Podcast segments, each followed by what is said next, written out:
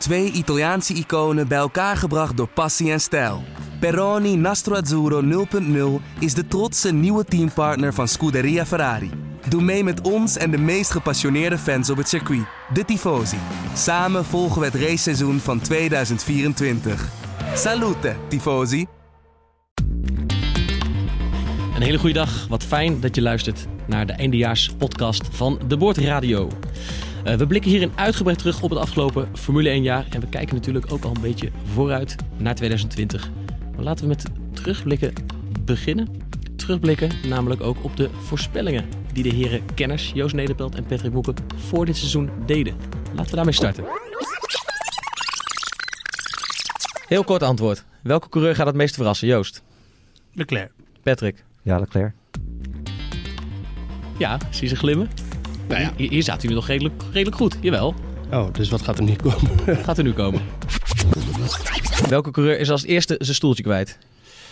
Um, oeh, het is lastig. Patrick? Ja, dan roep ik toch Bottas.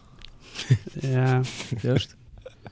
Um, ik denk Grosjean. Ja, ik had gewoon gelijk moeten krijgen natuurlijk. Daar zit wat in, ja. Je, je bent er dichterbij dan, dan ja, zo kan ik het ook met zijn Bottas.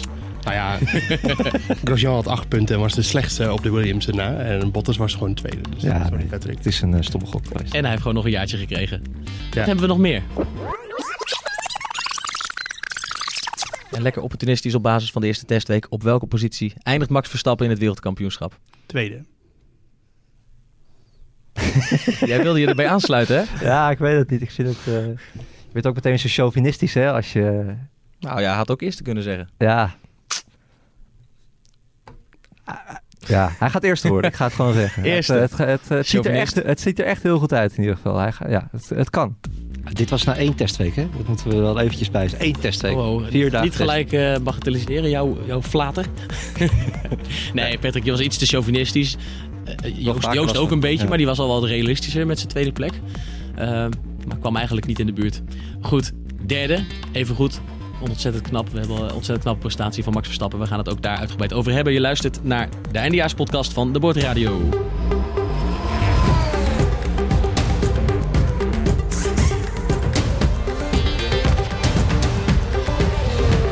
Ja, welkom weer op, op vele verzoek. Ook een eindejaarsoverzicht van de Boordradio. En een uitgebreide terugblik met de beide heren kenners. En mijn naam is Daan Swink. Um, jongens, ik nam jullie misschien een beetje, een beetje in de zeik. Maar goed, hè, het, was, uh, het, is nou eenmaal wat jullie gezegd hebben. Weliswaar voor het seizoen in de glazen bol van, uh, van maart was dat. Voordat er nog, uh, toen er nog geen race verreden was. Toch hadden jullie iets, iets later in het seizoen ook een paar dingen goed voorspeld. Maar Joost, denk jij dat, hij, dat het gedaan is nu echt? Dat, dat we... Nou, dat denk ik al een paar weken. Ja. Maar, uh, ja, nee, maar ik, rijdt, uh, rijdt, hij in Spa nog voor, uh, bij Red Bull? Nou, als ik het mijn geld erop zou moeten zetten, dan zou ik zeggen van niet. Ik denk het ook niet. Nee. Gasly. Dat ging over Pierre Gasly. Ja. En inderdaad, heel lang duurde dat daarna niet meer. Hoe lang duurde het nog daarna? Weten we dat? Een, een klein maandje. Dit was naar, naar Duitsland. Ja. Oh, dit was naar Duitsland, dat ja. klopt. Oké, okay, klein zo, maandje. Uh, belachelijk met een inhaalactie actie zijn voorvleugel eraf reed. Uh. Ja, ja, op, op Albon. Toen kon het niet uitblijven. Nee. Toch gebeurde het toch op het moment dat we het misschien niet helemaal verwachten. Nou ja, zeker ook omdat nou Hongarije zei Helmut Marko nog van... Uh, uh, we houden vast aan dit, uh, aan dit rijdersduo. Gasly mag sowieso, sowieso het seizoen afmaken bij Red Bull. Dat hebben ze ook tegen hem zelf gezegd. En daarom zei hij ook, iedereen die, ja, iedereen die suggereerde dat hij vervangen zou worden... die werd door hem zelf een beetje belachelijk gemaakt. Maar ja, types als Joost en ik hadden het toen toch uh, voor het goede, bij het goede tijd. types als Joost en ik. Goede, ja. ja. ja, nou mooi dat je toch nog ook uh, ergens even liggen. je gelijk kan halen. En eerlijk is eerlijk, met uh, Leclerc zaten jullie best wel goed. Maar dat zag iedereen toch ook wel een beetje aankomen, hè? Laten we eerlijk zijn. Mm, nou ja, het, de, je moet wel afwachten hoe zo'n jongen met de druk omgaat. Kijk, dat hij kon rijden, dat was voor iedereen wel duidelijk.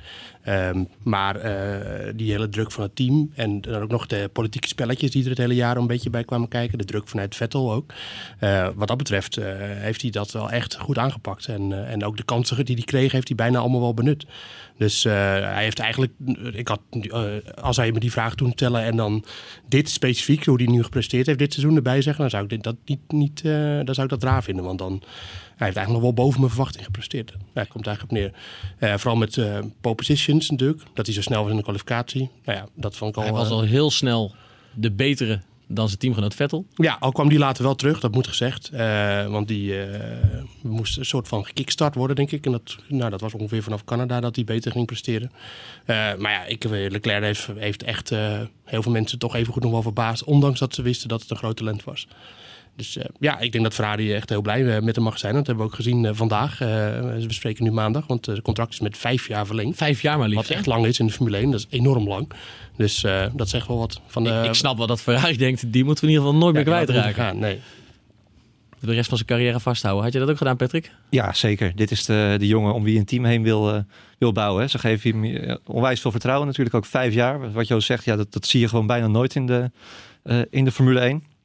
Ja, onwijs. Uh, en volledig terecht natuurlijk na zo'n uh, mooi seizoen. Ook in salaris is hij heel veel omhoog gegaan. Want hij liep toch echt nog wel achter uh, op, op Vettel, die een van de grootverdieners verdieners is. Ik denk dat het nu wel een beetje rechtgetrokken is ja, met een ja. vijfjarig contract. Ja. Even, even naar dat andere, dat andere supertalent, die je eigenlijk al lang geen talent meer mag noemen, maar ongeveer net zo oud is als Leclerc, Max Verstappen. Ja. Um, is Max Verstappen, ja, jullie voorspelden hem respectievelijk als wereldkampioen, Patrick. Ik zeg het nog maar een keer voor dit seizoen. En Joost als nummer twee. Um, de voornaamste reden dat hij geen wereldkampioen werd, is dat Mercedes of is dat Hamilton? Uh, ja, zeggen allebei. En, Hon, en Red Bull Honda natuurlijk, die ook gewoon uh, ja, niet. Red Bull had niet de beste auto gebouwd. Uh, die ze ooit in de story gebouwd hebben. Dat, dat, dat was duidelijk. Honda was toch nog niet op, op niveau. Misschien later in het, in het jaar wel. Dat ze dat enigszins rechtgetrokken hebben. Maar zeker in het begin van het seizoen nog niet. Daar hebben ze gewoon te veel punten laten liggen. En inderdaad, Mercedes was ook gewoon weer fenomenaal dit, uh, dit jaar. Uh, plus, ja, ja, plus dat Ferrari fouten gemaakt heeft. Dat, dat is het hele verhaal, denk ik. Ja, ja ik vond wel... Ja, want we hebben nu... Uh, sorry dat ik je onderbreek, Joost. Maar we hebben... Uh, jij voorspelde um, Verstappen als wereldkampioen. Joost voorspelde Verstappen als nummer 2. Ja. Wie voorspelde je als nummer 1? Ja, Hamilton. Ja. Nee, zeker niet. Toch? nee. Dit fragment moeten we er ook nog even bij pakken. Ja. Als Ferrari echt de snelste auto heeft, ja, dan is Vettel wel, die, die voelt zich daar heerlijk bij natuurlijk. En ik denk ook dan de topfavoriet om de titel te pakken. Ja.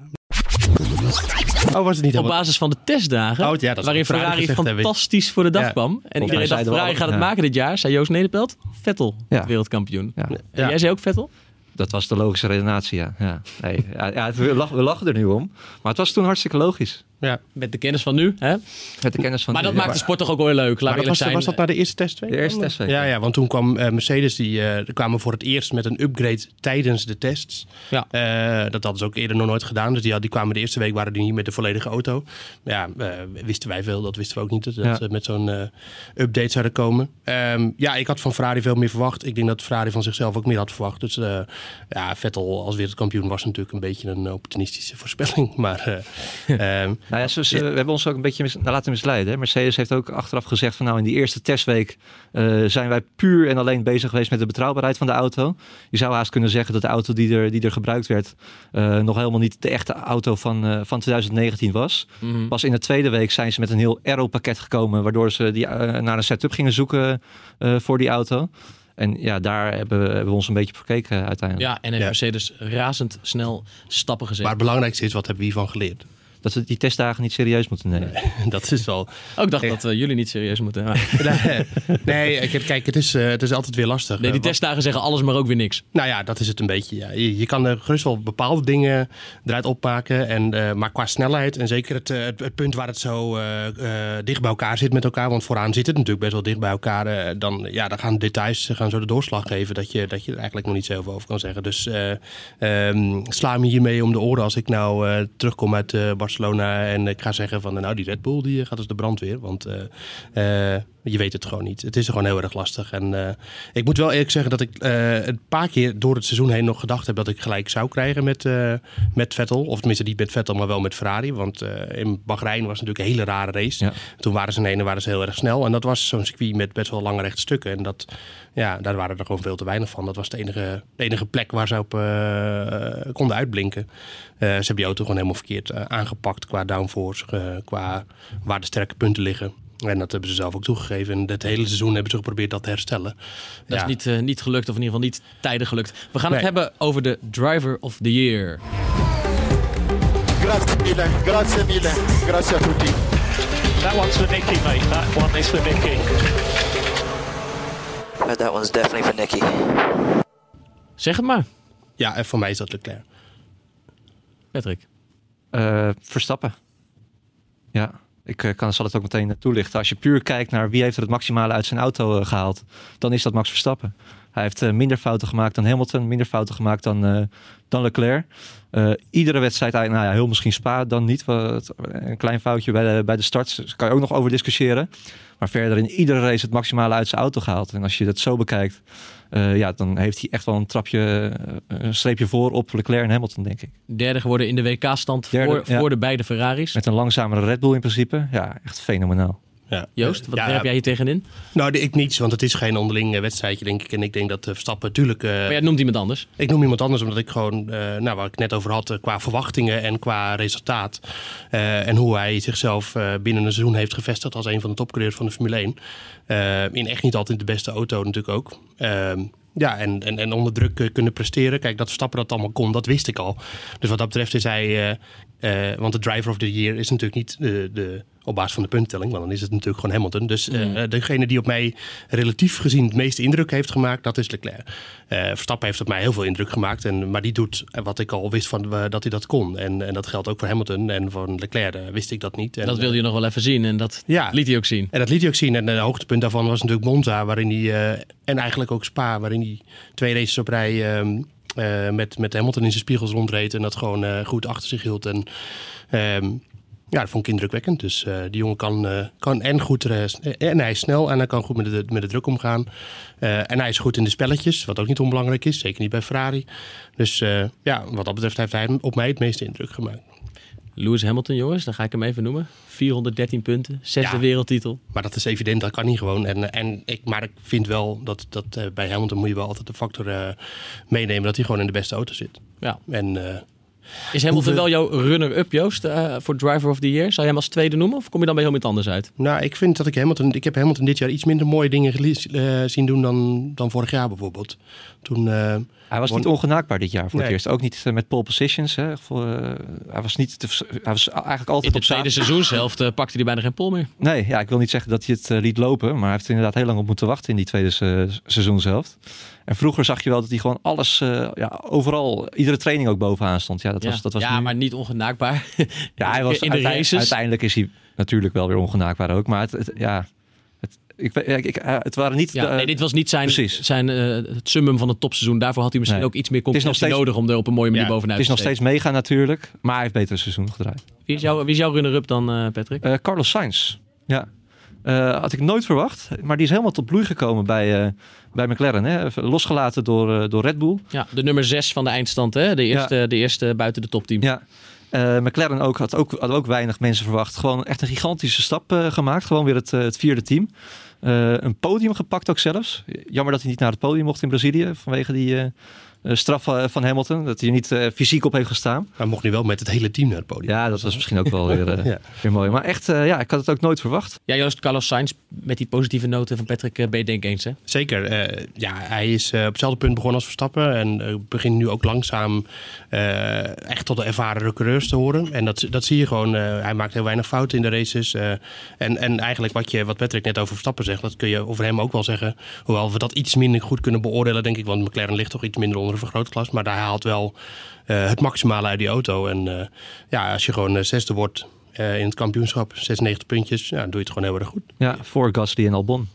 Die een half seizoen in een Red Bull hebben, hebben, hebben Ja, gereden. ja, en bijna dubbel zoveel punten als uh, Lando Norris, zijn teamgenoot. Ja, Ja, over wie toch ook iedereen enthousiast is. eh, Ja. ja. Ja, die heeft ook wel een paar keer eh, behoorlijke pech gehad natuurlijk. Zeker. Hè? Ja, zeker.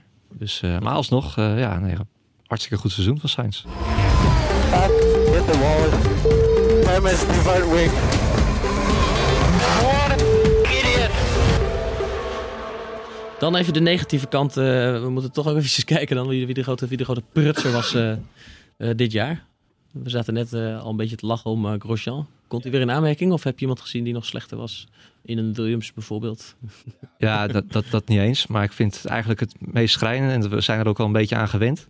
Maar dat is toch Lance Stroll in de Force India Racing Point uh, Sport Pesa Racing.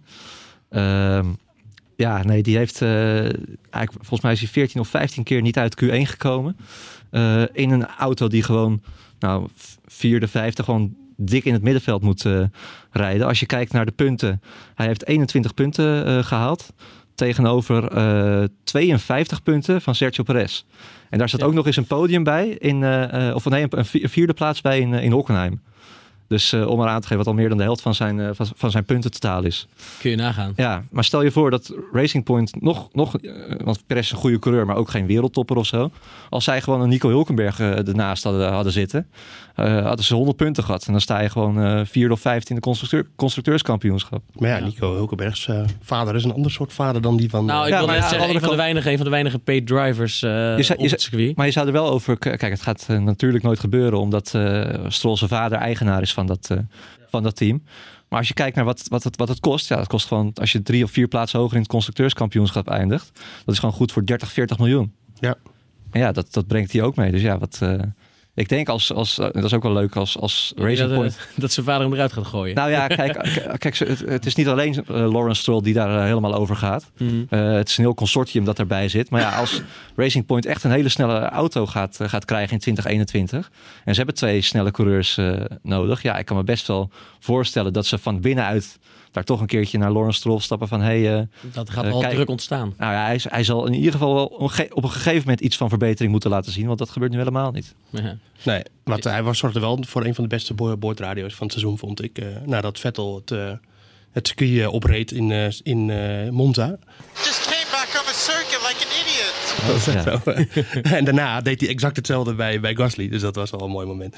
Ja, ehm, eh, nou ja, ja, ja, ja, Stroll is aan de ene kant is natuurlijk, eh, je kan gewoon eigenlijk zeggen dat die jongen gewoon talent ontbeert. Dat is, dat is duidelijk, want het is niet zijn eerste seizoen. Kijk, van andere jongens die dit seizoen, eh, nou ja, eh, Giovinazzi laten we zijn naam maar noemen, maar die heeft twee jaar niet gereden, stapt er nu in en dan kan je, er zijn nog wat excuses. Ja, ik- kunnen, we nog, Ja, kunnen we nog normaal over deze jongen Moet ik praten? hem inkoppen, Giovinazzi? Kunnen we nog over deze jongen normaal praten zonder dat Joost deze soort eigenlijk geen mening hebben over Giovinazzi. Waarom niet? Nou ja, dat is... Dat is eh, Ik, ik Nou, zeg alleen, eh, Joost heeft een poster van Giovinazzi boven Ik heb helemaal geen poster. maar ik bedoel te zeggen, eh, die heeft, daar kan je nog wat excuses aan dragen waarom hij niet zo heel veel. eh, en dat hij, nou, die kwam later in het seizoen beter op gang. Maar eh Stroll, daar zie je gewoon geen vooruitgang. Dat is een beetje mijn punt. Ehm, eh, en eh, een incidenteel uitschieter heeft hij dan wel. En dat had hij bij Williams had hij dat natuurlijk ook al. Want hij Ja, heeft als- al een keer op het podium gestaan Dat- natuurlijk eh, bij, in Baku. Dat is het enige waar hij dan misschien goed in is. Dat hij, hij kan heel goed om de chaos heen rijden. Zo heeft hij inderdaad ook zijn podium eh, eh, eh, gescoord in, eh in eh, Azerbeidzjan een paar jaar geleden. Nu weer in Hockenheim, een knotsgekke race waar dan hij toch opeens derde ligt. En eh, als een van de weinigen geen foutjes maakt. Ja. Is het talent of is het een beetje paniek? Dat hij denkt, help, Nee, gauw, gauw eromheen. nou, Hockenheim was vooral gewoon een gok van zijn team natuurlijk. Dat hij hem eh, op, Ja, eh, maar Het, het zijn wel verraderlijke omstandigheden natuurlijk. Ja, ja, nee, Die, ja. eh, dat, dat is misschien dan zijn enige waar hij dan goed dat, in is. dat kan niet. Wij hebben ook, eh, ik, ik wil van jullie zo ook weten wie jullie rookie of year is van de nieuwkomers. Ehm, daar hebben we ook een polletje over gehouden hè, op de, in de Nu Sport app. En eh, daar sprong één man uit, die gaan we zo noemen. Maar in negatieve zin eh, van de vier nieuwkomers sprong er ook eentje uit. En dat was Giovinazzi. Ja. 1,2% van de stemmen kreeg hij. Ja. Maar ik heb ook nooit gezegd dat Giovinazzi heel goed is of zo. Maar- Nee, weet ik, je vindt het gewoon een leuk vent. Nee, ik vind het gewoon leuk dat... Mag ook. Nee, we kunnen hier gewoon niet meer normaal over praten. Dat is best ernstig eigenlijk. Eentje die verandert in een soort van eh, tienermeisje van 13 als ik het woord eh, Giovinazzi eh, noem. Het is zo makkelijk. Dat. ja, maar in ieder geval, eh, nee, hij, is er gewoon, eh, hij heeft het moeilijk gehad. eh, eh, eh, twee jaar niet gereisd. en ja, ik kan niet eens meer over hem praten. Nee, nee, nee. Wat is er nou grappig aan als ik uitleg Ik ben gewoon benieuwd wat je eh, zo bewondert in Giovinazzi. Ik bewonder niks in. Ik Oh. vind gewoon dat Italië een coureur hoort te hebben. Dat is mijn, eh, dat is mijn belangrijkste punt. Oké, dus, dus, dus, dat is kan het ook een ander- eigenlijk als het maar een Italiaan is. En dan is het verder... eh, Nou ja, ik vind gewoon dat er een Italiaanse Formule 1 coureur hoort te zijn. Dat is zo'n een land wat zo'n rol speelt in Dat- de Formule dat 1 en de Formule met je 1 historie. Dat die, hoort, dat die dan geen coureur hebben. Ja. We hebben ook best wel lang geen Franse coureur gehad. En nu hebben we er best wel een paar. Ehm, nou, twee eigenlijk maar natuurlijk. Maar we, het waren de laatste jaren waren het er iets meer. En de Italianen droogt gewoon heel erg op. En, eh, en dat is gewoon gek. En dan de, dan de Giovinazzi, ik weet ook wel dat hij niet de beste is. Eh, ik heb hem in zijn Formule 2 seizoen, daar heb ik hem best mooie dingen zien doen. Maar eh, hij wordt nooit wereldkampioen. Dat, eh, daar ben ik echt van overtuigd. Helder. Wie is dan ehm, jouw rookie, eh, rookie of the year? Jouw, Eh, Albon natuurlijk. Ja, als je binnen een seizoen, in je, in je debuutseizoen al een promotie maakt naar een topteam en, eh, en het dan ook nog gewoon goed oppakt, dan eh, doe je het heel erg goed. Vind ik eh, beter dan, eh, dan, eh, Norris vind ik niet slecht, maar ik vind eh, eh, Albon, die heeft meer indruk gemaakt op mij. Ja, ja. Ja, zeker in de races. Kijk, Norris is een goede kwalificate- kwalificatierijder. Eh zat natuurlijk in, eh, in eh, Melbourne al gelijk in Q3 met de McLaren, dat heel knap was. Maar eh, Albon heeft wel meer eh, opvallende uh, Dat vonden ze zelf bij het team het hoogtepunt van seizoen. Herinner, herinner ik me nog in dat, in dat stuk wat jij maakte na de Ja, dat, race. zei, eh, Ja. ja. Ja, dat, dat klopt. Ja, ja. Dat, nou, ja, dat, dat eh, zijn, zijn rentree inderdaad en dat hij gelijk zich zo goed kwalificeerde. Dat dat, eh, Ja, kijk, buiten de baan is Norris natuurlijk een gigantisch mooie, leuke aanwinst voor de Formule 1 met zijn eh gekkigheidjes en zijn filmpjes en zijn, eh, zijn eh, leuke boordradio's. Uh, you know, I'm not one for speeches like you and Will, um, but I just want to say you're an absolute legend. Can't believe the rookie year you've had, and the fact that I've had the opportunity to share it with you. Are you crying?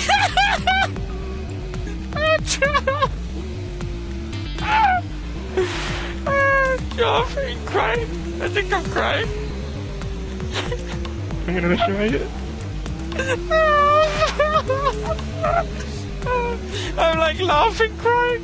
Dat soort coureurs heeft de Formule 1 misschien nog wel harder nodig dan types als Albon. Maar, eh, maar dan nog, ja, als je gewoon puur naar de prestaties kijkt. En eh, de racecraft, en daar heb, dat is natuurlijk vooral heel belangrijk. Want ik sprak ehm, ehm, Norris na afloop in Abu Dhabi. En die stond echt ontzettend te balen dat hij in de laatste race was ingehaald door Perez, zijn grote concurrent in het kampioenschap. En Ja. eh, dat, hij, dat hij zich daar toch in af liet troeven. En, en Albon Ja. heb ik vooral... als, een- wat zei hij nou ook weer? Als een amateur? Of, eh, ja, zoiets, was, ja, eh, ja. En, en, en, en, en Albon die liet zich toch vooral in races in positieve eh, zin zien. Eh, Duitsland was daar een eh, voorbeeld van. Zijn debuutrace voor Red Bull in Spa had hij een paar mooie inhalacties. Eh, dus ja, de Albon is voor mij eh, overduidelijk de, het, eh, de, de, het, eh, de rookie van het seizoen. Ja. En voor jou, Patrick? Eh, ja, ook Albon. Ik vond het ook wel opvallend dat bij ons toch de meeste mensen voor Norris... eh, 73,2% zegt Norris en 21% Ja, dat komt Albon. dus vooral dus, denk ik door de dingen die hij ook buiten de baan doet. Lijkt mij. Ja. Want echt, Ja, je, je, je kan- als, je, als je puur naar de races van eh, Albon en Norris kijkt, dan kan je niet om. eh, ja, dan, dan dan kan je eigenlijk alleen maar Albon noemen als de, als de beste rookie eh, van het jaar. Maar ik denk tegelijkertijd dat ook veel, ehm, eh, veel Nederlanders, veel eh, mensen onder ons publiek, en natuurlijk met Max Verstappen vergelijken. En eh, ja, dan komt hij, ook hij, nog behoorlijk wat tekort. Zeker, ja. Als het om pure snelheid gaat, zeker. Maar aan de andere kant vind ik ook dat je dat ook weer niet helemaal kan beoordelen. Omdat hij, hij komt halverwege een seizoen binnen. In een auto waar hij nooit mee getest heeft. Die op Verstappen is afgestemd. Precies, ja. Het is ook bij een topteam net even wat moeilijker instappen dan bij een, een middenveldteam. Ja, ik, ik denk dat we hem eigenlijk pas volgend jaar, als hij ook gewoon eh, twee testweken heeft meegemaakt, echt kunnen gaan eh, beoordelen. Als hij dan nog steeds iedere wedstrijd een halve seconde achter Verstappen zeg, zit, dan kunnen we zeggen van ja, dat is, eh, dat is nog wel steeds te veel. Oh, maar dat gaat gebeuren. Ja, denk je? Ja, want Albon is gewoon lang niet zo snel als Verstappen. Dat, Ik weet het niet. Ik zou hem nog gewoon. Ja, ik geloof geloof wel dat Verstappen sneller is, maar ik, ben, ik denk wel dat voor het- Verstappen en ook voor Red Bull, als die er in ieder geval wat dichterbij komt. Ja, maar hij gaat niet eh Ricciardo-achtige kwalificaties rijden met, Ja. met Verstappen, denk ik. Hoor. Ja. Jongens, de naam George Russell is nog niet gevallen. Dat is ook Ja. een nieuwkomer. Ja, uit- ja, uitstekend. Wel een beetje sneu dat hij als eh, laatste is geëindigd in het, in het kampioenschap. Nou, noem dat maar uitstekend. Ja, ja, nee, omdat eh, Kubica dat puntje nog heeft gepakt Het ene puntje, maar Kubica was schrijnende natuurlijk. Hè? Ja, hij had eigenlijk eh, hij had nooit terug moeten komen. Kubica. 21-0 kwalificatie. doen. Ja. Dat is heftig hoor. Dat is echt heftig. Ja. Maar ik, ja. ik ben wel benieuwd of, of dat nou kwam omdat, omdat Kubica echt heel slecht is. Of dat misschien Russell toch wel een gigantisch talent is. Ja, is het natuurlijk wel. Hij is gewoon GP2, eh, Formule 2 kampioen Ja. geworden. In principe was hij beter dan, eh, dan Albon en, eh, en Norris. Ja, Maar Russell wil toch ook zo snel mogelijk dan eh hogerop. dat zou je zeggen. Ja, hij was blij dat hij Dan bij... hij eh, kan. hij heeft ook een tweejarig contract destijds al gehad bij, eh, bij Williams. Hij staat natuurlijk onder contract bij Mercedes. Maar eh, ja, ik denk dat als, als Williams gewoon nog zo'n seizoen tegemoet, tegemoet gaat... dan is dat eigenlijk echt geen goed nieuws voor Russell. Die, die moet, eh, moet zich mengen in de strijd om het middenveld. Ja. Aan de andere kant denk ik wel dat het misschien wel lekker instappen is. Vroeger hadden we Minardi, hè, wat de ideale eh, binnenkomer was voor een, eh, voor een, voor een nieuwe coureur. Alonso bijvoorbeeld, die is daar ook eh, begonnen. Williams lijkt eigenlijk een beetje op Minardi op dit moment. Gewoon elke training verreweg het langzaamst. Ook in de races. Het enige waar Russell bezig, moest, eh, bezig mee moest zijn was Kubica verslaan. En dat heeft hij in iedere wedstrijd op Hockenheim na dan eh, gedaan. Maar je, ja, je kan wel lekker experimenteren. Een beetje... Net die ene wedstrijd waar het om ging. eh. Ja, ja, maar ik denk dat dat Ja. toch iedereen vergeten. Maar goed, hij gaat zich Ja. komend jaar in ieder geval niet meer met Kubica meten. Dus dan krijg je een nog beter beeld van eh, Ja. hoe goed. Ja, al moeten we wel daar weer bij zeggen van ja, dat, dat Latifi komt in dat stoeltje. hè. Dat is nou ook weer niet een jongen die overloopt van het, eh, Nee, van het talent. Russell die rijdt rondjes om Latifi. Ja, De twee Dus, eh, seconden. Maar wel, hij heeft, ja, heeft wel... Wat heeft Latifi er dan te zoeken? Ja, hij eh, heeft heel veel geld. Zijn vader heeft heel veel geld. Hebben we dan uh, Ja, met volgens mij, Latifi en eh, Stroll hebben we nog meer paid drivers dan komend jaar? Twee en? Canadese miljardairszoons Dus ja, je- volgend jaar. Je zou Perez nog mee kunnen reden als misschien de beste Ja. paydriver van het hele stel. Ja, ik wou zeggen, maar die- maar die kan wel Die kan ja, wel wat. ja, ja, ja. Nee, ehm eh, Latifi. eh, ja, goed, hij heeft ook wel dingen laten zien hoor in de Formule 2. Maar hij heeft volgens mij, hoe lang heeft hij in de Formule 2 gereden? Best wel lang. Ja. En eh, nooit, dit jaar ook geen kampioen geworden natuurlijk, terwijl hij wel een paar races won. Ja, eh, maar laat ik het zo zeggen. Je moet, je moet niet vergeten dat ehm, Racing Point eh, was misschien zonder de, de, de Stroll miljarden, miljoenen. Hij zal er geen miljarden ingestoken hebben. Maar eh, zonder de Stroll miljoenen was het misschien wel niet meer geweest. Want dat team werd natuurlijk gewoon gered uiteindelijk Ja. daardoor. En dat geldt natuurlijk ook voor Williams. Ehm, dus ja, dat die voor de Latifi hebben gekozen, dat, eh, dat begrijp ik helemaal. Want eh, de, de, je zijn de, de eindjes eh, aan elkaar aan het knopen. En, ehm, eh, of we hebben straks geen Williams meer. Williams meer Ik, had al eh, afgelopen seizoen hebben we toch een paar keer gedacht van we hebben komend seizoen al geen Williams meer. Nou, ik dacht, ik, eh, dit seizoen, eh, de, deze zomer, eh, of deze winter in, eh, in eh, Barcelona, de afgelopen winter bedoel ik dan. Ehm, tijdens de eerste windtest waren ze er natuurlijk niet de eerste dagen. Nee. En toen dacht ik van, nou gaat het wel wat worden met Williams dit seizoen. Hoe is Ja. het gewoon klaar? Weet En, en ik bedoel, eh, goed, ze moeten er toch vertrouwen in hebben voor het nieuwe jaar. Want je gaat niet weer een heel jaar voor lul rijden. Dat is een heel slechte reclame voor je merk, voor je bedrijf. Nee, maar ze blijven maar vasthouden aan dat eigen concept. Hè. Kijk, het zou zakelijk gezien, ge- gezien veel handiger voor de jongens zijn om, eh, om een soort Mercedes B-team te worden. Ja. Dat ze alleen nog maar onder, eh, onder de Williams-vlag eh, door blijven rijden. En dan zegt eh, Claire Williams altijd maar één ding. Over my dead body. Dat gaan ze niet doen. Vind ik ook wel weer mooi. Mercedes Ja. zou het wel willen. Merce- nou, ja, misschien wel. Ja, dat zou best kunnen. Maar ja, en, eh, uiteindelijk hebben ze het nu toch. Want eh Ente leveren motoren aan Williams. En ze hebben een, eh, hebben een grote talentvolle coureur daaraan. het is al een soort Mercedes B nu. Ja, ja, alleen dan rijden ze al erg ver achteraan, eh, verder achteraan dan Mercedes graag zou willen, denk ik. Maar je moet ook niet vergeten dat de, de, de veruit langzaamste auto van het veld, daar zit een Mercedes motor in. Dus dat is voor de publiciteit van Mercedes natuurlijk ook een beetje... Ja, Aan de andere kant, ze hebben ook de snelste auto, maar dan nog, eh, Ja, ja, pijnlijk is het wel. ja. Goed, we gaan naar het eh, technisch hoekje. Want eh, ook voor deze eindejaarsaflevering moeten we natuurlijk Joost ook een beetje de ruimte geven om de mensen weer wat bij te brengen. Box, box, box, box. Eh, Joost, jij wil het graag hebben over de banden. Met de het oog op bandjes. volgend jaar. Je- eh, ja, ja. Eh, de banden, ja, nou dat komt dan vooral eigenlijk omdat we natuurlijk eh het afgelopen jaar eh, een dominant Mercedes hebben gezien. En eh Ferrari wat vooral moeite had om de, de banden te begrijpen, de banden goed te houden in de race. Toen zouden er nieuwe banden komen voor 2020. Die hebben ze uitgebreid getest. eh, en die waren vooral ontworpen om eh, langer mee te gaan. Zodat je niet in een kwalificatieronde al eh, slijtage had. hè. dat je dus de ronde gewoon af kan maken, volle bak. En, niet, en ook geen races zoals Singapore, waarin we dat dit, jaar hebben gezien. Dat Leclerc op een gegeven moment 8, 9 seconden langzamer reed dan zijn poltijd. Alleen maar op de banden goed te houden. Ehm, dat was een probleem. Maar ja, nu, nu waren die banden klaar en hebben ze getest. En toen zeiden eh, alle teams unaniem, nou, we houden toch de banden van 2019. Ehm, en dat is natuurlijk ook omdat ze de afgelopen jaar heel erg geïnvesteerd hebben in eh, de banden te leren begrijpen. Nou, voor Mercedes begreep ze al. Heel goed zelfs. Daarom, Ik denk dat dat voor eh, zeker 70% de wereldtitel betekende dit jaar. Ehm, Ferrari, eh, na het eind van het seizoen kregen ze steeds, beter onder de knie. Red Bull was daar wat eerder mee. Ehm, dus ja, als je dan weer nu met hele nieuwe banden begint, dan wordt het weer zo'n loterij. Dat, eh, En de teams hadden dit ook voor het zeggen. Want je zegt, de teams zeiden, gaan we niet doen. We gaan verder met de ja, als banden die het met z'n 2019 daarover eens zijn, dan, eh, dan gebeurt dat gewoon. Dus, ja, dus dat was een beetje eh, opvallend wel, maar eh, ook wel weer een logische keuze. Maar eh, normaal gesproken is het zo dat je dus als de banden of, en als het materiaal heel lang hetzelfde blijft, dat het dan naar elkaar toe groeit. En daarom zijn die banden denk ik goed, voor, of, goed nieuws voor volgend jaar. Want ik denk dat dat gaat betekenen dat het veld dichter bij elkaar komt. Dus dat teams de banden beter begrijpen. Eh, Andere teams gaan qua, qua, eh, qua, qua, qua band met de banden meer, Ja. op het, eh, meer op het niveau van Mercedes komen. Ja, dat denk ik wel. En dus daarom denk ik dat we volgend jaar een veld wat we dichter bij elkaar hebben. Wel minder de verrassende strategieën, denk ik dan. Omdat ja, alle probeersels zijn dit jaar al gedaan. Ehm, je krijgt natuurlijk wel auto's die natuurlijk weer anders zijn. Dus die misschien iets anders reageren op de banden. Kortom, het gaat volgend jaar weer een heel grote rol spelen erin. Zoals elk jaar eigenlijk hoor, dus dat is geen nieuws. Maar eh, ik ben wel heel benieuwd welk effect dat heeft. Dat, eh, dat we dan een jaar oh, eh, gewoon over twee seizoenen met dezelfde banden werken. En of, of het dat echt ervoor zorgt dat we een... nou ja, die top drie vooral heel erg dicht bij elkaar krijgen wat we graag willen. Want eh, die verschillen die daarin gemaakt worden, die worden wel gewoon grotendeels gemaakt door het rubber. Ja. Ja. Blijft het de top 3, Patrick? Of wordt het misschien toch een top 4 komend jaar?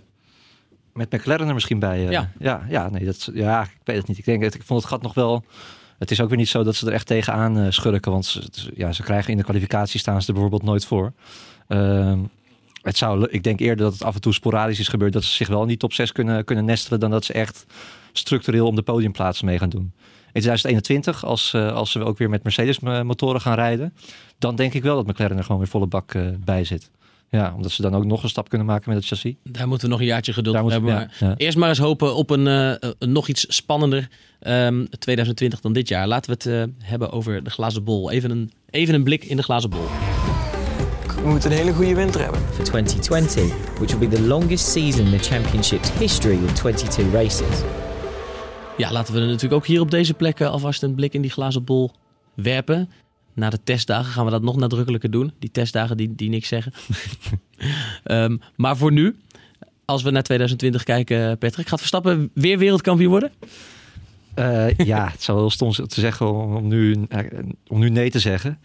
Eh, maar ik, ja, ik denk dat volgend jaar volledig in het teken gaat staan van de zevende titel van, eh, van Hamilton, toch? Dat die Schumacher gaat evenaren. Ja, Mercedes wist al zo vroeg in, af- in het afgelopen seizoen dat ze kampioen eh, zouden worden. Ik ben echt ontzettend bang dat we straks naar Melbourne gaan en dat ze weer gewoon een voorsprong hebben. En dat we weer zeggen van ja, we gaan weer zo'n eh, seizoen tegemoet. Het is, het is, eh, ja, het- het- de voortekenen zijn in principe goed, omdat er weinig verandert. Mhm. Maar ja, ik, ik, ik, ik, ik, het- het- ik denk dat het te ver gaat om te zeggen dat Verstappen een van de titelfavorieten is. Ik denk dat Hamilton absoluut de absolute titelfavoriet is. En Verstappen misschien outsider. Joost? Nee, ik denk dat we wel een titelgevecht krijgen. Tussen? Ja, tussen eh, Verstappen en Hamilton. En eh, misschien een Ferrari-kleur. Maar wat Ferrari gaat doen, dat is echt een groot vraagteken. Dat, eh, ja, ja, kijk, die hebben natuurlijk de afgelopen jaren een soort van eh hoogconjunctuur gehad. Zonder dat ze er iets mee gewonnen hebben. Of tenminste geen titel. Maar eh, toch wel drie seizoenen op rij. Nou ja, twee seizoenen eigenlijk. Vooral afgelopen jaar viel erin natuurlijk toch een beetje tegen. Ehm, maar het is gewoon een raadsel wat ze daar gaan doen. Ze zijn als eerste klaar met de auto, zeggen ze. Eh, hebben ze al die problemen opgelost? Ja, maar dat hoor ik ieder jaar. Van we liggen twee weken voor op, op schema. Ja, daarom, maar Dus- dat moet je ook allemaal niet zoveel. Maar dat zei Red Bull zei dat trouwens ook, hè, dat ze twee weken voor op schema. Die zeiden dat volgens Ja, ja dat bedoel, Ja. bedoel ik. Maar ja, geen woorden maar daden, weet je. Eh, gewoon. Ja, maar daarom. Het is, ja, nou ja, hoe dan ook. Dus dat is, dat is heel lastig. Maar ehm, ik denk dat Mercedes eh, ehm, niet zoveel ruimte meer heeft om te winnen. En dat eh, Red Bull en Honda vooral dat nog wel heeft. Dus ik denk wel dat Red Bull en Honda dichterbij komen. Ja, en wat ik wil zeggen, het valt me een beetje tegen van eh, onze optimist hier aan tafel, Patrick. Dat je zo in één keer... Je moet jezelf zo- ook zo een klein beetje indekken, hè? Ja, je bent geschrokken hè, van je eigen voorspelling Ja, ja, vorig ja, jaar. ja, ja. Dat geeft niet. Ehm, maar eh, in die zin zeg ik het valt me tegen, is een beetje flauw. Maar ik bedoel wel dat de tweede seizoenshelft, eh, als Verstappen eh, elke keer de kansen pakt die hij krijgt, zoals afgelopen tweede seizoenshelft, en hij krijgt ze komend jaar vanaf de eerste seizoenshelft, dan gaat hij ook tegen een snellere Mercedes, gaat hij er natuurlijk wel heel dichtbij komen. En dan krijg je misschien wel die tweestrijd. Ja. Ja, nee, klopt. Maar ik, bijvoorbeeld, als we kijken naar bijvoorbeeld eh, 2016, 2017. Eind 2016 had eh, eh, Red Bull ook een hele snelle auto. Hadden ze gewoon Ferrari eh, al, al ingehaald, eh, puur qua eh, snelheid. Toen kwamen er nieuwe regelwijzigingen waarmee het, eh, het chassis belangrijker werd. Mhm. Toen werd eigenlijk ook ja, Verstappen als een van de grote kanshebbers eh, voorspeld. En toen bouwde Red Bull ook gewoon een, een matige auto. Ja, zoiets zou ik nu, nu natuurlijk ook weer kunnen gebeuren. Dat, eh, ja, het, het, het, het is lastig te voorspellen. Ja, het zou in ieder geval al heel lekker zijn als het gewoon weer eens in de laatste race van het seizoen beslist wordt. Dat zou fantastisch zijn. Ja, dat is veel te lang geleden. Dat zou heel goed zijn voor de sport. En daar, die, die kans neemt denk ik wel een beetje toe, als ik jullie zo hoor. Ik denk het wel, ja. ja. Uiteindelijk wel, ja. Het, het, is, het is wel gewoon waar dat als de regels niet veranderen, dat het veld dan in elkaar schuift. Dat, dat is zo. Maar of dat ook genoeg is, dat, eh, dat het echt zo heel dicht bij elkaar gaat zitten, ja, dat moeten we nog even afwachten. Ja. En komend jaar verandert er ook bij de coureurs maar weinig, hè? Want bijna geen wisselingen. Ja, nee, eh Hulkenberg vertrekt en voor hem krijgen we Ocon terug. Eh, en Kubica natuurlijk weg. En eh, voor hem krijgen we Latifi eh, in die auto te zien. Dat heeft wel één groot voordeel. Nou. Dat we eindelijk van het Kubica-Kubica verhaal af zijn. Oh ja, ik blijf hem ook gewoon Kubica noemen. Hoor. Het, eh, ik weet wel dat het, eh, dat niet helemaal correct is, maar... eh, Nee, terecht. Ik hou van standvastige mensen.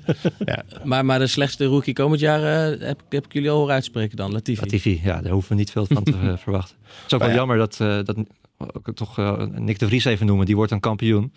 Eh, verslaat Latifi gewoon. Ja, dat, dat hij dan geen 2. kans krijgt voor dat eh, zitje puur omdat hij eh, minder geld meebrengt dan, eh dan Ja, dat doet. ja hij heeft, het, het is niet alleen dat. Het is natuurlijk eh, de combinatie van een coureur met veel geld En een team wat heel veel geld nodig heeft. Want natuurlijk zou Williams liever de Vries hebben.